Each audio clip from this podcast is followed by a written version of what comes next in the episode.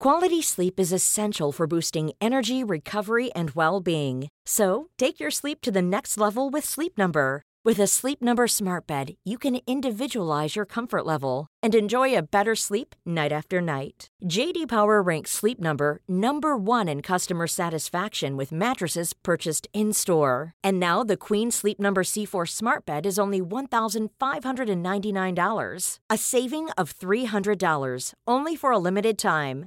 For JD Power 2023 award information, visit jdpower.com/awards. Only at Sleep Number stores or sleepnumber.com. Hey, I'm Ryan Reynolds. Recently, I asked Mint Mobile's legal team if big wireless companies are allowed to raise prices due to inflation. They said yes. And then when I asked if raising prices technically violates those onerous two-year contracts, they said, "What the f*** are you talking about? You insane Hollywood ass." So to recap, we're cutting the price of Mint Unlimited from $30 a month to just $15 a month. Give it a try at mintmobile.com slash switch. $45 upfront for three months plus taxes and fees. Promo rate for new customers for limited time. Unlimited more than 40 gigabytes per month. Slows. Full terms at mintmobile.com.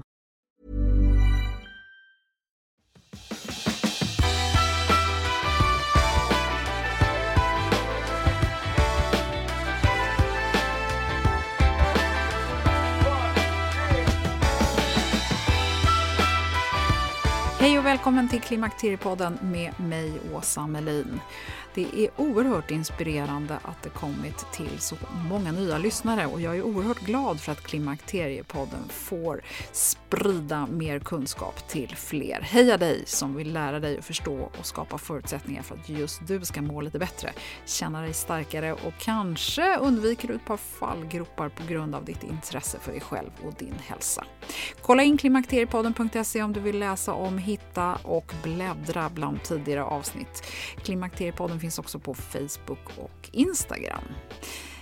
I avsnitt 214 så hade vi förmånen att höra Maria Otterstad intervjua Anders Lönedal om det intressanta lymfsystemet.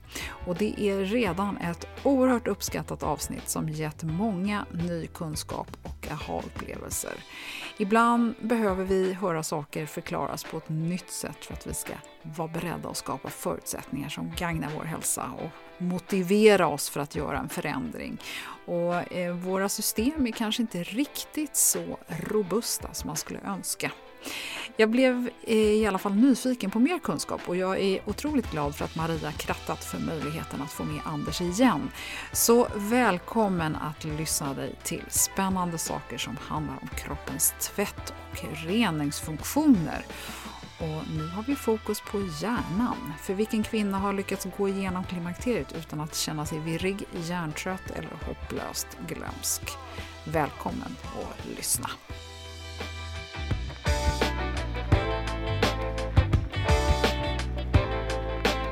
Spännande för mig att få välkomna dig tillbaka till Klimakteriepodden, Anders Lönedal. Mm, tack.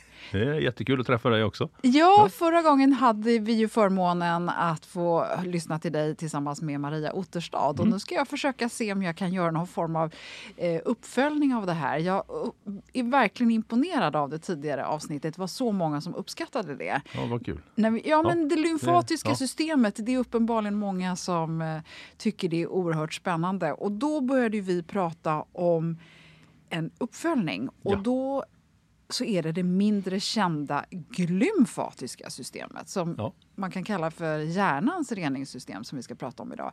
Men Anders, om någon mot eh, förmodan missade avsnitt 214 med dig, kan du inte berätta vem du är kort?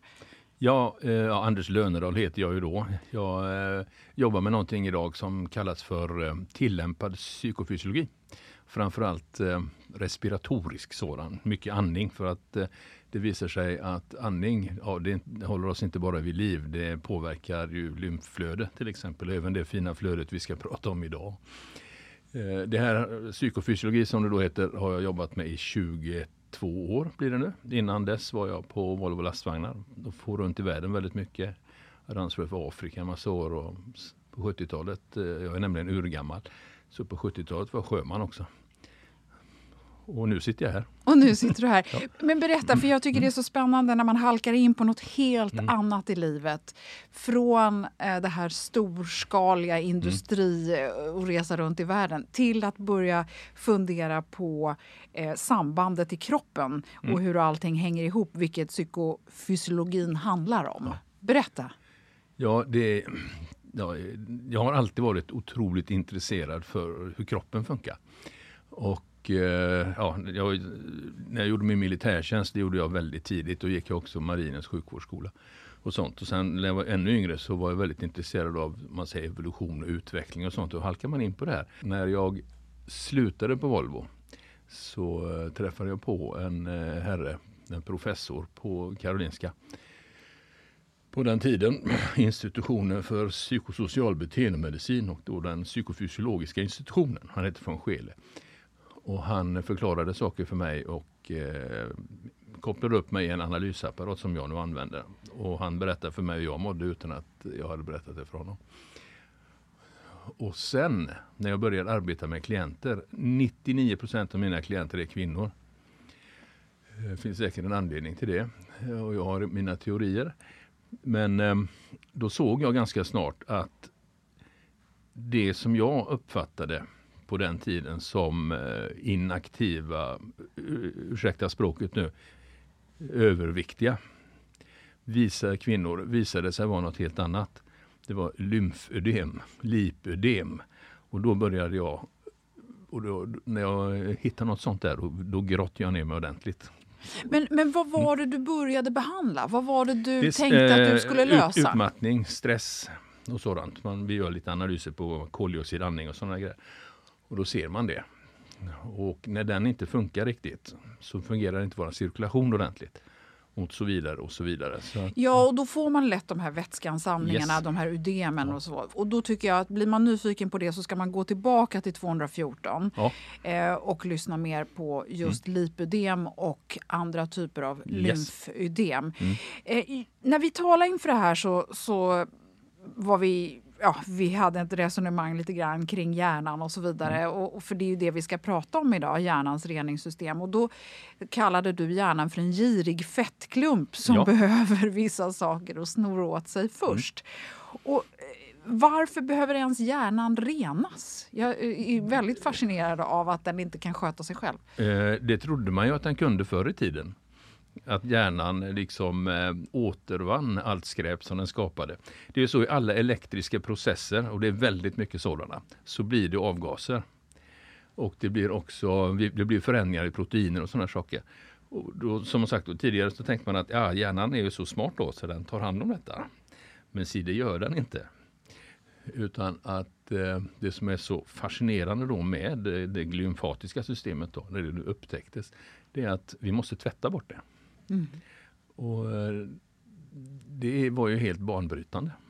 Och, och, det här är ju oerhört spännande för att det var en danska som hette Majke Nergård har jag mm. fått lära mig nu. Ja.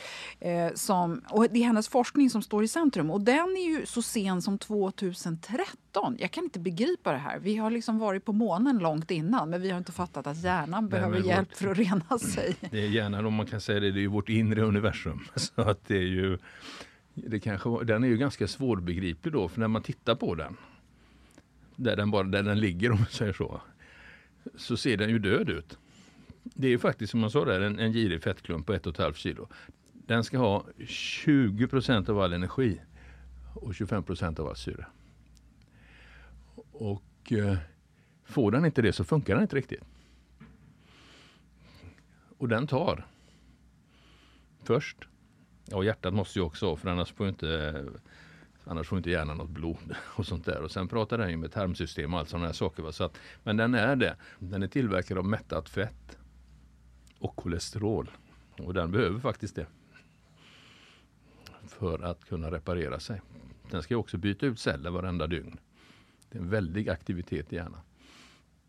För förr så trodde man ju att hjärnans, hjärncellerna var, det var konstant och det var eh, någon vätska som låg runt omkring som var som en krockkudde för mm. oss och, och, så vidare. Vad var det egentligen som eh, Majken upptäckte som var så revolutionerande? Jo, saken var den att vad, vad Michael och detta forskarlag på Rochesters universitet ute i USA eh, diskuterade, det var ju det här med återvinningen. De tänkte det kan inte stämma.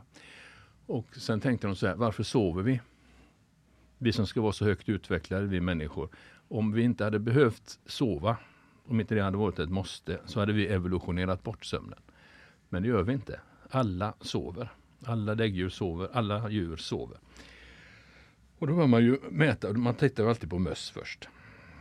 Och sen var det faktiskt så att man upptäckte någonting då som var så revolutionerande så att man trodde man hade gjort fel och skrotade alltihop och började om från början och upptäckte att det blev precis samma sak en gång till. Och det var just det här att när de här mössen kom ner i djupsömn så började det hända stora saker inne i deras hjärnor. Då började cerebrospinalvätskan som ändå heter den som ligger runt. Alltså eh, vätskan runt hjärnan. Hjärna och ryggmärg. Den som också är en krockkudde. Det är en stötdämpare för hjärnan då. Men då börjar den ju att skifta och cirkulera runt i hjärnan, in i hjärnan och sedan ut. Och koppla på, hur man säger då, det vanliga lymfsystemet eller de venerna som leder allting, vätskan tillbaka till hjärtat. Precis som det vanliga lymfsystemet. Men den här fantastiska upptäckten ställer ju många gamla sanningar på ända då. Det är inte återvinning som sker där uppe. Vi måste tvätta. Så när vi är vakna kan vi säga så polerar vi hjärnan på utsidan. Och när vi djupsover, sover ordentligt, sover riktigt gott, så tvättar vi den på insidan.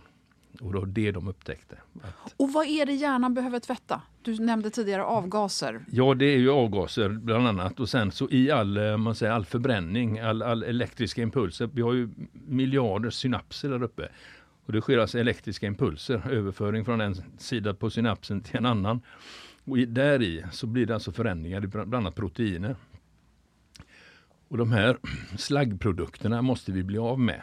Man kan ju jämföra det med en, eh, ja, man brukar jämföra det med ett akvarium. Att om man inte renar vattnet i ett, i ett akvarium så blir det snart grumligt så dör fisken. Det är lite samma sak i hjärnan då. Och, och, så, och då tvättas det här under eh, djupsömnen. Så att Ja. sy, det lymfatiska systemets funktion Mm. det är att hålla hjärnan vid liv. Eller hur ska man säga? Eller hålla Ja, hjärnan ren. Ren och fin och skärpt. Och, vad, och om den inte får djupsömn så att den inte kan hålla sig ren, vad händer då? Ja, det finns ju då eh, tydliga tecken idag då på att det som man ju lyckas mäta vad som kommer ut ur den här vätskan då. Och det är bland annat det här eh, proteinet beta-amylas då som är in, involverat i Alzheimers.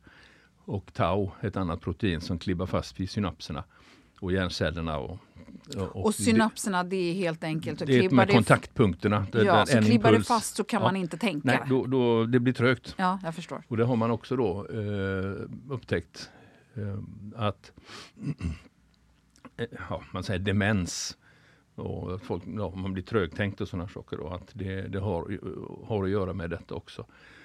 Så att det här tvättsystemet det är otroligt viktigt. Jag tror vi kommer få höra ännu mer om detta. Och just vikten av sömn.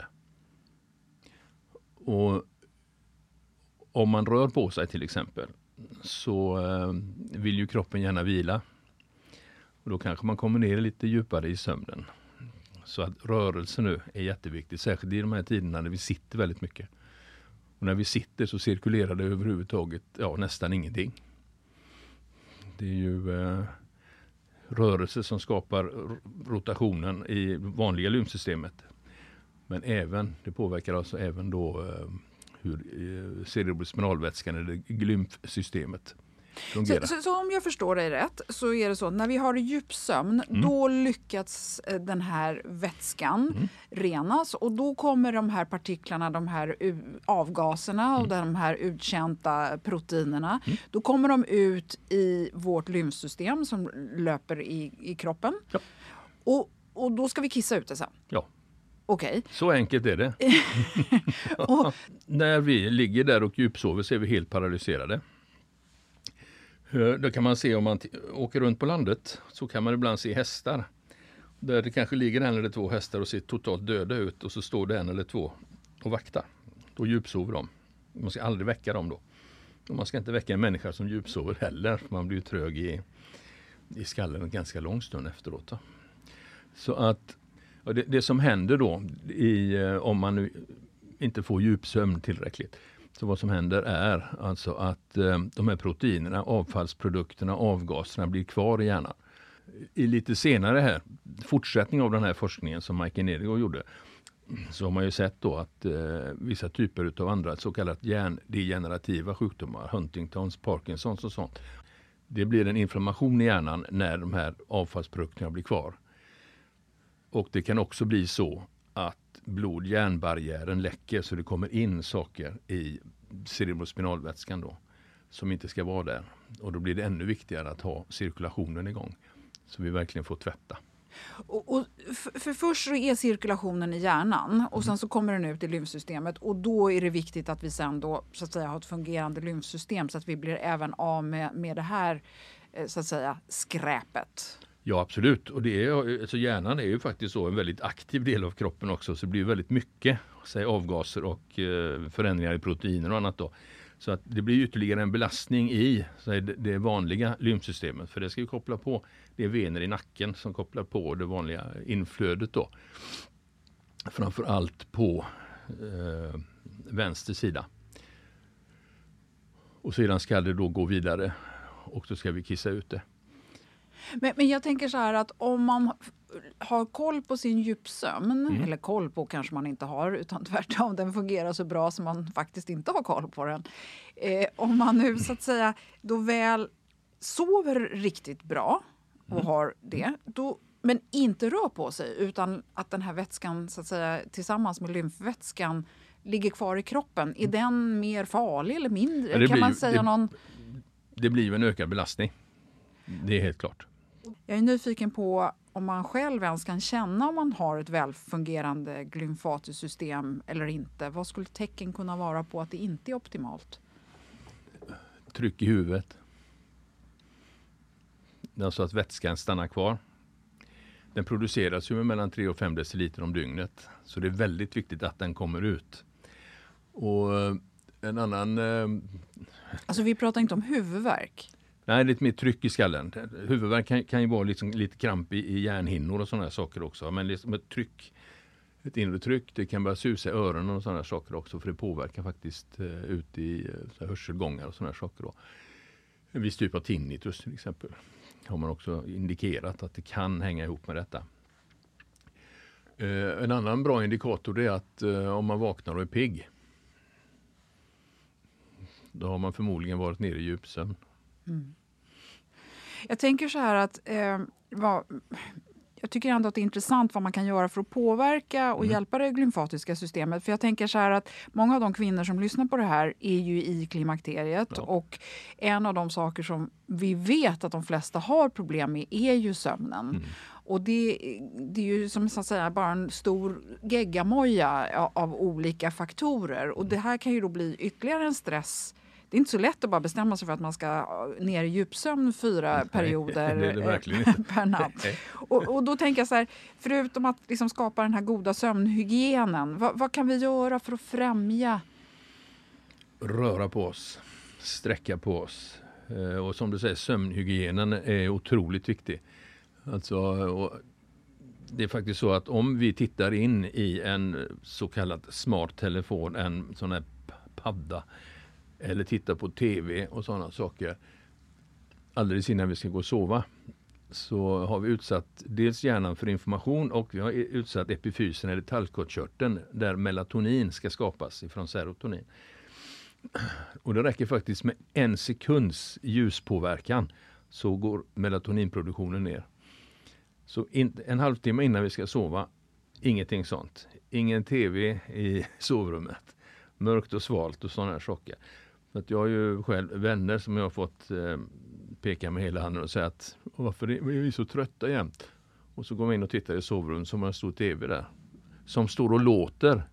Och vi människor är liksom programmerade, det är en av de så kallade evolutionära fällorna då, att vi är programmerade för att hör vi någonting så måste vi titta åt det hållet. Vi blir uppmärksamma då. Det ingår liksom i spelet. Så är det massa ljud omkring oss så får vi, en, vi får svårare att sova helt enkelt. Så att gör så gott vi kan. Bor man i stan till exempel så kan det vara svårt för det är ju alltid ljud någonstans. Men gör det så mörkt och så tyst som det bara går. Mm. Hjälp kroppen lite på traven.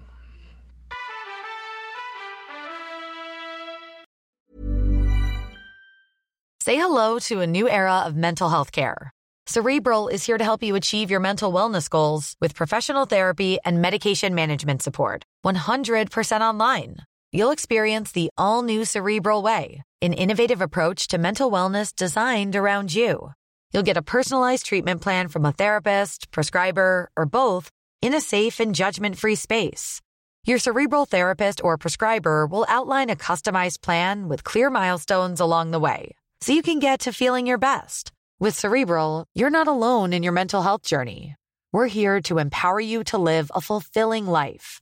So take that first step towards a brighter future and sign up today at cerebral.com slash podcast and use code ACasts to get 15% off your first month. Offer only valid on monthly plans. Other exclusions may apply. Offer ends July 31st, 2024. See site for details. Quality sleep is essential for boosting energy, recovery, and well being. So take your sleep to the next level with Sleep Number. With a Sleep Number smart bed, you can individualize your comfort level and enjoy a better sleep night after night. JD Power ranks Sleep Number number 1 in customer satisfaction with mattresses purchased in-store. And now the Queen Sleep Number C4 smart bed is only $1,599, a saving of $300 only for a limited time. For JD Power 2023 award information, visit jdpower.com/awards. Only at Sleep Number stores or sleepnumber.com.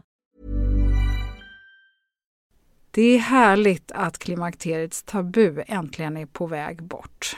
Vill man försöka klara sig utan hormonbehandling så finns nu många nya kosttillskott som lovar bland annat hormonell balans och som ska stötta brister.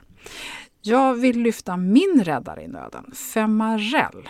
Det har inte bara varit min utan många andra kvinnors räddning i över 20 år. Och med lång tid på marknaden, med nöjda användare, dessutom med 20 forskningsstudier så vågar jag säga att det kan vara en god idé att prova Femarel. Femarel finns på apoteken och i hälsokostbutiker. Tack Femarel som varit min samarbetspartner i många år.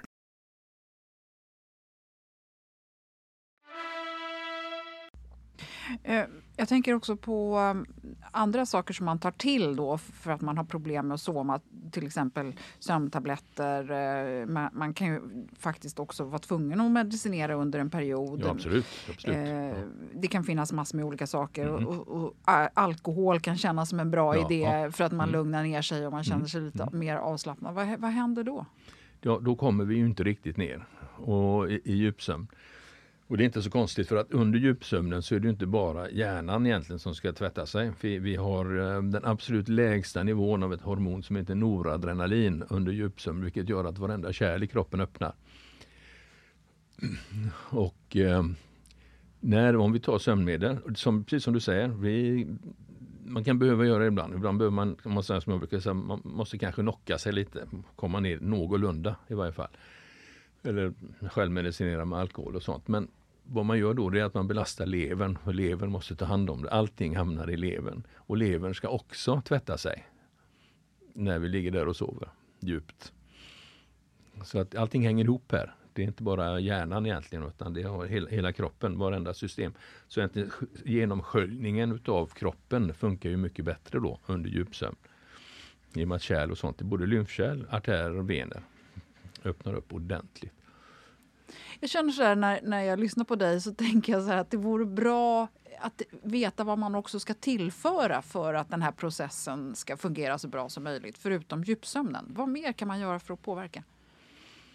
Ja, det är också viktigt. Man kan säga så här. Eh, idag så lever vi ju helt artfrämmande. Eh, så att, och det finns ju studier på detta nu då, att eh, man behöver röra på sig lite ute i naturen till exempel. Väldigt viktigt bra intryck. Eh, och sen är det ju det här med det som vi kallar för stress då. Eller, det är ju också en evolutionär historia. Och sen eh, är vi, vi är faktiskt ett flockdjur, vi människor. Vi behöver relationer, goda relationer. Vi behöver prata, behöver ta på varandra faktiskt. Det är massa sådana här saker idag. Som man, och särskilt nu under de här tiderna, som de två åren som har varit, när vi har nästan isolerat oss det är tortyr då fungerar vi inte riktigt. Det, det, det är mängder av små, små saker, små förändringar egentligen. Då. Det, alltså, vad vi äter och vad vi stoppar i oss också väldigt viktigt. Va? Så att det är sånt som är lättillgängligt för kroppen. Eh, det finns väldigt mycket skräp där ute idag. Och det är ju, jag, jag har ett par sådana där riktiga hatobjekt som man absolut nästan aldrig ska använda sig utav. Det är ju Coca-Cola och, och energidrycker. Då. Det är en enorm belastning i kroppen, på levern och på hela systemet. Hjärnan får alldeles för mycket energi också. Det är för mycket socker helt enkelt. Så sånt det är bra om man kan dra ner på det för det lugnar ner hela systemet. Jag tänker på det här med att dricka vatten. Ja. Nu skrattar min man när han hör det här för mm. jag springer runt med och ger honom vatten i tid och otid, tycker ja. han. det känns som att vätska är bra för systemet. Ja, ja, vätska är jättebra för systemet men det ska i måttliga mängder. Och är det varmt ute och man rör på sig så måste man dricka mer. Och är det inte det så behöver man inte dricka lika mycket. Och vi får tänka på det att vätskan som kommer in i kroppen, den ska ut ur kroppen också. Och om man inte har bra cirkulationssystem och så, så kan man dra på sig lite för mycket då. Och då kan det faktiskt, om man nu säger att man har eh, en ödemproblematik, så kan det bli en extra belastning om man dricker för mycket. Men sen är det också så att människan har ju då eh, tappat bort det här med eh, som de andra djuren har. Vi dricker när vi är törstiga och då är det för, lite för sent egentligen. Så att vi, vi bör ju tillföra, vi ska inte vara törstiga, vi ska inte vara torra i munnen. Och eh, vi ska kunna nypa oss i huden så här utan att den stannar kvar.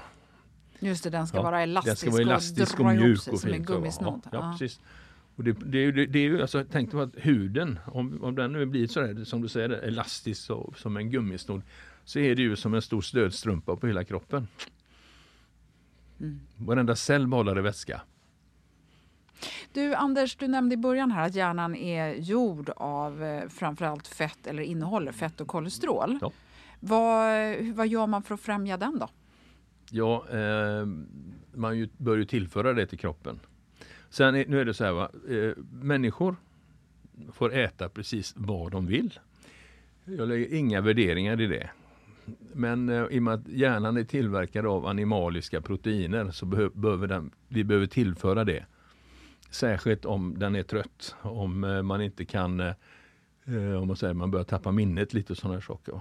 Det kan ju också, när, när vi inte glymfatiska systemet fungerar ordentligt och vi får den här, en, det blir ju en, vad säger, en inflammation, en autoimmun historia. Och det gör att det blir ytterligare belastning då. Då behöver man tillföra det som kroppen är gjord av. Som, som jag sa, där, folk får äta precis, jag lägger inga värderingar i detta, får äta precis vad man vill. Men, och vad är det man behöver då? Animaliska proteiner. Mm. Så animaliska proteiner och bra fetter, det ja. är som det som är... Mm. Ja. Eh, om man då har valt att leva veganskt eller vegetariskt, mm. eftersom man får äta vad man vill, ja, man. vad, vad, vad händer då? då? Ja, då kan det bli så. Jag har haft flera klienter faktiskt som uh, har gjort det. Uh, det kan bli så, men då har, då har det gått väldigt långt. Då. då kan det bli så att man börjar äta kött ändå. Nej, det ska man inte säga var, var elakt, men uh, man äter på sina egna muskler.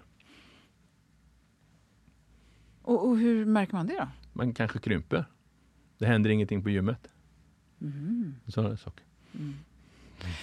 Ja, det är ju oerhört eh, komplext det här. Det jag tänker ändå så här, vi, vi är ju ändå, eh, jag måste ju ändå säga att vi är ju fantastiska biologiska varelser i grunden. Oh ja och, och jag kan ju inte förstå att klimakteriets intåg och en massa såna här andra saker eh, som händer att verkligheten liksom ändå inte passar oss. Hur, hur kan vi tänka kring det här?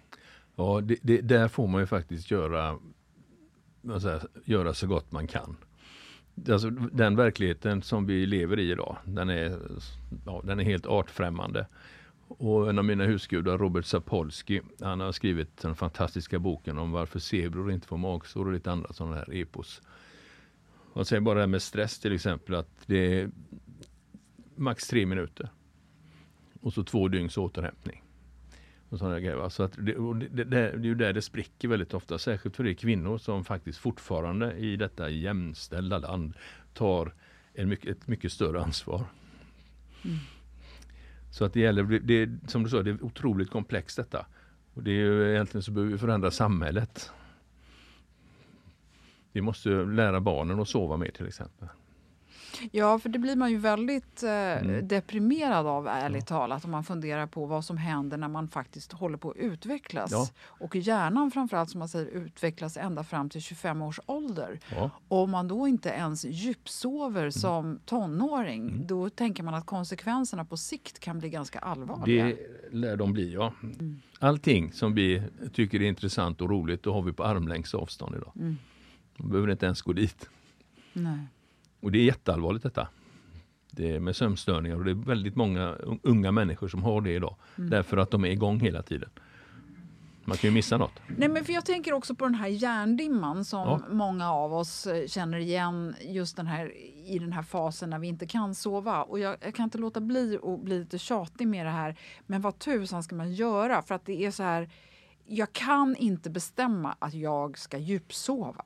Nej, det kan du inte göra. Men det viktiga är då att du får igång cirkulationen så gott det bara går genom att till exempel röra på dig. Och när du säger röra på dig, vad Ja. betyder det? Lågintensivt räcker. Promenader. Andas rätt. Det är nämligen så att diafragman fäster ju på ryggraden. Och varje gång du andas in, om man säger då biologiskt korrekt, så att ryggrad, alltså bröstkorgen vidgar sig utåt och lite uppåt. Diafragman planar ut lite neråt. Så komprimerar du ryggraden lite. Inandning, utandning så slappnar allting av och då får du en ökad cirkulation, en hjälppump. Och framförallt är det viktigt då för ryggmärgen också. För vi får inte glömma att vi har en ryggmärg med och i ryggmärgen finns ett hål som går hela vägen ner. Och den ska också tvättas, den är otroligt aktiv. Sen är det också så att ryggmärgen och tjocka hjärnhinnan då, dura mater, där den här vätskan ligger innanför, cerebrospinalvätskan då. När den kommer ner ungefär eh, tredje, fjärde kotan uppifrån bäckenet så omvandlas eh, hjärnhinnan till en massa sentrådar och ryggmärgen till en massa nervtrådar som går in i eh, stjärtbenet och- fäster ända in i svanskotan. Så att den här rörelsen då, ett gungande, liten, lätt gungning i bäckenet gör att du ökar på cirkulationen. Hela vägen ifrån alltså stjärtbenet och upp, upp till hjärnan. Den är också väldigt viktig. Så just den här andningen, biologiskt korrekt då, hjälper till att pumpa. Så att om man är, och andningen är också bryggan mellan gasen och bromsen. Så att väldigt många av mina klienter säger att en biverkning som du glömde att tala om med när man förändrar andningsbeteende, det är att jag sover mycket bättre nu. För när du andas lugnt och fint så slappnar kroppen av. Då får du en så kallad vagal ton. Alltså, det är modernt med vagusnerven och sånt. Ja, idag. Men det är, det är paras, parasympatiska nervsystemet, det har vi alltid haft. Och det är vagusnerven. Och den påverkas då när du andas lugnt och fint. Och då slappnar För kroppen av. vagusnerven är en nerv som är ganska lång har jag förstått. Ja, och den har huvudkopplingar in i alla organ. Men så har sympatiska nervsystemet tjuvkopplat sig förbi. Och jag frågade en gång varför heter det sympatiska nervsystemet när det är det som tar död på oss? Om det, om det ligger på för mycket? Jo, sa en forskare jag pratade med då att det är sympatiskt för vår överlevnad. Men det ska alltså inte vara överaktivt. Och det är det som sker också då, när, som jag sa där, när vi djupsover till exempel, att noradrenalinet går ner till den absolut lägsta nivån på hela dygnet. Då har du en, det är alltså en total dominans utav det parasympatiska nervsystemet, eller då vagusnerven. Vi, vi kallar det för en vagal ton, ska vi ha i kroppen. Så att med hjälp utav andningen till exempel, då, va, dels så får du bättre cirkulation både i vanliga lymfsystemet och i glymfsystemet. Och sen så påverkar du alltså den här avslappningseffekten i kroppen. Så det är jätteviktigt att göra det. Alltså jag, ändå, det är så fascinerande och jag kan ändå inte låta bli att tänka så att varför ska man behöva lära sig allt det här för att förstå? För jag tycker ändå att kroppen ska på något sätt sköta sig själv. Det var tänkt så, att den ska sköta sig själv. Jag säger det också, det, det är bedrövligt egentligen att folk ska behöva gå och lära sig att andas. Och det här med lymfsystem, det tycker jag är helt fascinerande. Det var den första stora svenska vetenskapliga upptäckten på 1600-talet. Olof Rudebeck den äldre kartlade då lymfsystemet. Sen glömde vi bort. Man tittar på män då också. Så att det, det, har liksom bara, det har ju alltid funnits där. Och först nu då så börjar vi prata om det. Hjärnan har alltid tvättat sig själv under djupsömn. Mm. Men det är nu då när vi lever ett liv då som är med alldeles för högt tempo som vi upptäcker baksidan med detta. Så ja, det, kallade det moderna liksom, livet. Ja, men det blir ja. någon slags fel i systemet. Totalt. Det, det blockeras. Ja. Och det, du, jag tänker så här. Eh, hela den här evolutionära biten och, och sådär. Ja. Jag, jag, kan inte låta bli ändå att också tänka Finns det något kontroversiellt kring hela det här ämnet? Det som du och jag pratar om nu. Finns det, det, nästan all forskning, tycker jag i alla fall, om man nu kallar det för modern forskning, om vi nu ja. får säga det, eh, finns det ju alltid för och emot. Och det, ja, ja. och det tar ju väldigt lång tid innan det här kommer ut i det, liksom det vanliga kunnandet. Oh, och eh, jag hade med eh, Carl-Johan Sundberg här för ett tag sedan och han sa att det tar normalt sett 15 till 25 år innan det blir vedertaget i eh, den läkarvården, så att säga. det som vi det... människor blir behandlade ja. efter innan modern, eller mm. liksom forskning verkligen mm. tar, tar plats. Mm. Jo, jag håller med helt. Det säger vi också. Ja. Det tar, vi säger för mellan 20 och 25, men 15 25 det, det beror liksom på vad det är, så helt korrekt. Innan det blir praxis som vi säger så. Just det, ja. precis. Ja, det, så, att det, så att det är ju det är, det är ju ett dilemma här och det, det, det finns givetvis att, att glymsystemet fungerar som det gör, det är helt klart. Men en, eh, en, en, sak som man eh, kan titta och läsa om lite grann, det är att det finns ju en del forskare som säger att det här visste vi för 40 år sedan. Eh, men det kanske var så då att världen var inte redo för det. Det är alltså Läraren kommer när eleven är redo. Ja. Nu, men, men mm. om man nu visste det även för 40 år sedan, var det samma kunskap som man har idag? Eller Nej, inte det... exakt. Man, man, hade inte de mätmetoderna. Nej, men och, och, då tillbaka till min fråga. Ja. Finns det någonting kontroversiellt idag? Finns det någonting som vetenskapsmän så att säga eh, ja, ja, vad, vad man, argumenterar mot varandra kring? Inte, så, inte direkt vad jag har sett och de forskare jag pratar med har, har men vad man försöker få fram nu det, det är ju liksom läkemedel eh, som inte stör. Eh, det, det blir ju väldigt svårt i och med att allting hamnar i levern först. Och, och, eh, men, så, så, där har vi, och sen att vi faktiskt måste uppgradera sömnen. Alltså sömnen är också, en, det är också ett läkemedel kan man säga. Vi reparerar oss där.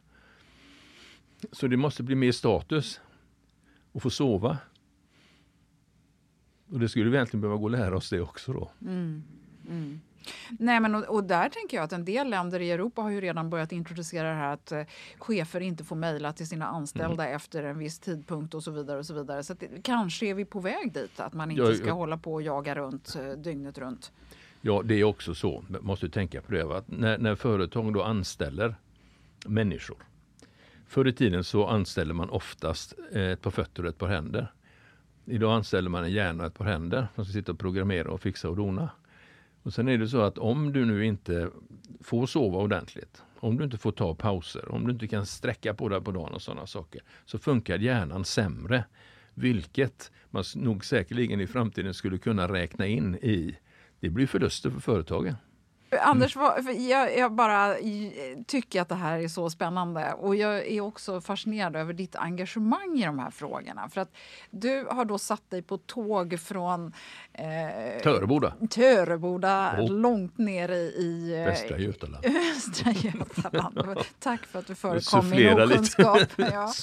lite. Nej, men jag menar, varför är du så engagerad i det här? Varför vill du sprida den här kunskapen? Jag ser det, som, det, det är någonting som jag anser vara är otroligt viktigt. Som jag sa innan då, att jag, hade ju, jag själv missbedömde ju många kvinnor som trodde att de var tjocka och feta och lata när det var lymfproblem de hade. Och då tänkte jag när jag började med det, så tänkte jag hur ska vi få ordning på detta då? Vem, vem ska vi, hur ska vi börja? Och så började jag forska på det och prata. Och i många andra länder har de kommit mycket längre än vad vi har gjort här. Och sen när vi kommer in på hjärnans lymfsystem och vad hjärnan kräver för att den då ska fungera. Som sagt då, syre och näring, det behöver den. Men i all förbränning, även i bilar och sånt, så blir det avgaser. Och de avgaserna måste ut. Och på bilen så har vi avgasrör så släpper vi ut allting där. Än så länge i varje fall. Och i kroppen har ju inte, i det systemet har vi ju inte avgaser så. Men det måste cirkulera, måste, kroppen måste alltså bli av med det. Och hjärnan som är en sån liten del, men det är ju hela styrenheten i kroppen. Om inte den får sova, om inte den får en bra cirkulation, så geggar den igen. Det blir alltså svårare och svårare för den att fungera. Och då måste vi sprida kunskap om och så, så mycket som möjligt, vad kan vi göra själva? Som du var inne på också där, en, en bra sömnhygien, otroligt viktigt. Rörelse, sitta är det nya rökandet. Vi stänger av vartenda cirkulationssystem i kroppen när vi sitter. Och sen får vi ofta väldigt, väldigt ensidig stimuli idag ifrån eh, tv-apparater och skärmar och telefoner och alla sådana här saker. Vi använder inte ens ögonen ordentligt. Och när ögonen blir trötta så får vi, sitter vi där och kisar och så får vi ont i skallen och sådana här saker och så spänner vi ofta då. Så vi har ju tre hjärnhinnor. Den tjocka hjärnhinnan det är mest det är bindväv egentligen. Och sen så har vi ju en, en, eh, två som är mjukare, en spindelvävshinna, arachnoidea och så pia mater då, som är den mjuka hjärnhinnan ligger längst in. Och där, i, i de här, runt de här hinnorna ska den här vätskan cirkulera hela tiden. Och allting cirkulerar ju bättre i rörelse. Så är det någonting man ska tänka på så är det faktiskt att sträcka på sig och röra på sig. Och då menar jag inte att man måste springa till gymmet och lyfta alldeles mycket vikter. Nej, lågintensiv här. Då är det lymfcirkulation och lymfcirkulation så är det lågintensiv träning. Alltså promenader, lätt joggning, ut i skogen med om ni kan. Mm. Det är det, hjälp kroppen. Och det, och det, det är som jag sagt, varken då lymfsystemet eller lymfsystemet har en riktig en pump som blodsystemet, om vi kallar det för det, har. Utan det är upp till oss. Det, vi har egenansvar här. Mm. Eh, Anders, eh, när man kan alla de här sakerna som du kan, hur lätt är det att leva som man lär? Det blir ju lättare och lättare. Jag har alltid varit ute och rört på mig mycket och jag bor ju i skogen så det har väldigt lätt att ta mig ut. Det är ju inte alltid, jag har ju, eh, har ju fart runt väldigt mycket i mina dagar. Och det var ju en av anledningarna till att jag hoppade av mitt gamla liv. Jag kände att det blev alldeles för mycket. Och eh, jag tänkte nej, nu håller det inte. Så när jag då flyttade hemifrån Belgien, för det har varit några år, så var det ett alldeles utmärkt tillfälle att sluta. Mm. Du Anders, eh, har vi missat någonting eller kan vi känna att vi har matat oss ganska fulla med kunskap som behöver smälta ner lite grann för en stund? Ja, en väldigt viktig bit i detta med vad kan vi själv göra? Det är ju att detta då, sömn är inte prestation. Sömn är total avslappning. Så att det som du var inne på förut också där att man kan inte bara bestämma sig för att djupsova. Nej, det kan man inte. Man måste förhandla med kroppen där. Mm. Skapa förutsättningar. Skapa förutsättningar. Mm. Och det är vårt eget ansvar där. Och det kan ju vara betungande då. Och det är ju en period i livet där där man inte ja, får sova tillräckligt. Och då är det så. Men det är ofta en period i livet då. Det är vad vi gör resten som är det viktiga. Och faktum är att ju äldre vi blir desto mer behöver vi egentligen. Ja, undantag barn för att de växer. Men eh, vi, vi, måste ja, framförallt komma ner i varv. Mm. Mm. Och det är inte alltid så enkelt som sagt. Nej. Okej. Ja, det, men vi fick lite att tänka på där tycker jag, Anders. Det finns mycket att tänka på. Ja. Det gör det. Eh, och eh, jag vill verkligen eh, uppmana dig som lyssnar här nu att känna snarare dig styrkt av ny kunskap snarare än addera stress till att du kan ännu mer. Utan är det inte fantastiskt att man kan lära sig och kanske ta till sig små delar i alla fall och skapa ja, förutsättningar? Ja, ja, och för att kunna förändra någonting så måste man ju också bli medveten om vad. Mm. Och vad får det för konsekvenser då? Positiva nu tänker jag, mm. om jag gör detta. Mm, precis. Tusen tack eh, Anders Lönedal för att du vill komma till eh, Stockholm och till Klimakteriepodden idag. Eh, jag är jätteglad för att du ville vara med och dela din värdefulla kunskap. Tack. Det var väldigt kul att komma hit igen. Så.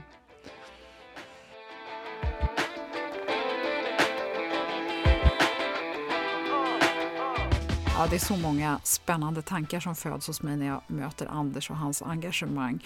Och jo, jag vet faktiskt var Töreboda ligger. Jag har till och med cyklat dit längs Göta kanal från Sjötorp. Väldigt fint, men jag är hopplös på landskap, det ber jag om ursäkt för. Men tänk att man mitt i livet faktiskt kan sadla om och bli specialist på ett helt nytt ämne. Tack Maria Otterstad för att du introducerade mig och alla lyssnare till Anders redan i avsnitt 214. Det fanns eh, ja, mer att lära sig och intressanta länkar hittar du på klimakteriepodden.se. Bland annat så kan du där läsa om Majken Nergard och hennes forskning.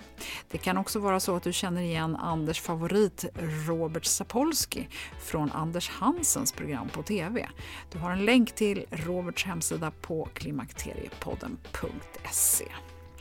Professor Carl-Johan Sundberg finns i avsnitt 196 och nyligen så tillkännagavs att han tilldelas Hans Majestät Konungens medalj i åttonde storleken i högblått band för framstående insatser som forskare och folkbildare inom hälsa och träning. Mm, fina gäster har vi haft här i Klimakteriepodden. I nästa avsnitt så är det dags för en annan fin gäst, nämligen Monica Björn med ett nytt avsnitt under rubriken Tips från coachen. Och då, ja, då ska vi få lära oss vad vi kan göra åt smärta och ledvärk. Ett mycket vanligt frustrationsmoment för kvinnor som gillar att röra på sig. Eller kanske ännu värre när man inte rör på sig. Så tack för att du har lyssnat och välkommen snart igen. Hej då!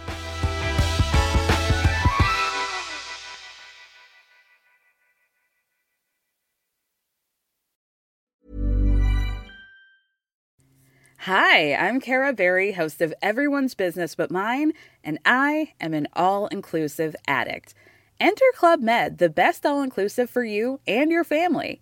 With resorts worldwide, from their family flagship resort, Club Med Punta Cana, to their only mountain resort in Canada, Club Med Quebec, they have everything you need to relax. With their 20 plus sports activities, wellness programs, you can dine on delicious cuisine and make memories with your family. So book your next getaway with Club Med. Visit clubmed.us or call 1 800 Club Med or your travel advisor. The number one selling product of its kind with over 20 years of research and innovation. Botox Cosmetic, botulinum toxin A, is a prescription medicine used to temporarily make moderate to severe frown lines, crow's feet, and forehead lines look better in adults. Effects of Botox Cosmetic may spread hours to weeks after injection, causing serious symptoms. Alert your doctor right away as difficulty swallowing, speaking, breathing, eye problems, or muscle weakness may be a sign of a life threatening condition. Patients with these conditions before injection are at highest risk. Don't receive Botox Cosmetic if you have a skin infection. Side effects may include allergic reactions, injection site pain, headache, eyebrow and eyelid drooping, and eyelid swelling. Allergic reactions can include rash, welts, asthma symptoms, and dizziness. Tell your doctor about medical history, muscle or nerve conditions including ALS or Lou Gehrig's disease, myasthenia gravis, or Lambert Eaton syndrome and medications, including botulinum toxins, as these may increase the risk of serious side effects. For full safety information, visit BotoxCosmetic.com or call 877 351 0300. See for yourself at BotoxCosmetic.com.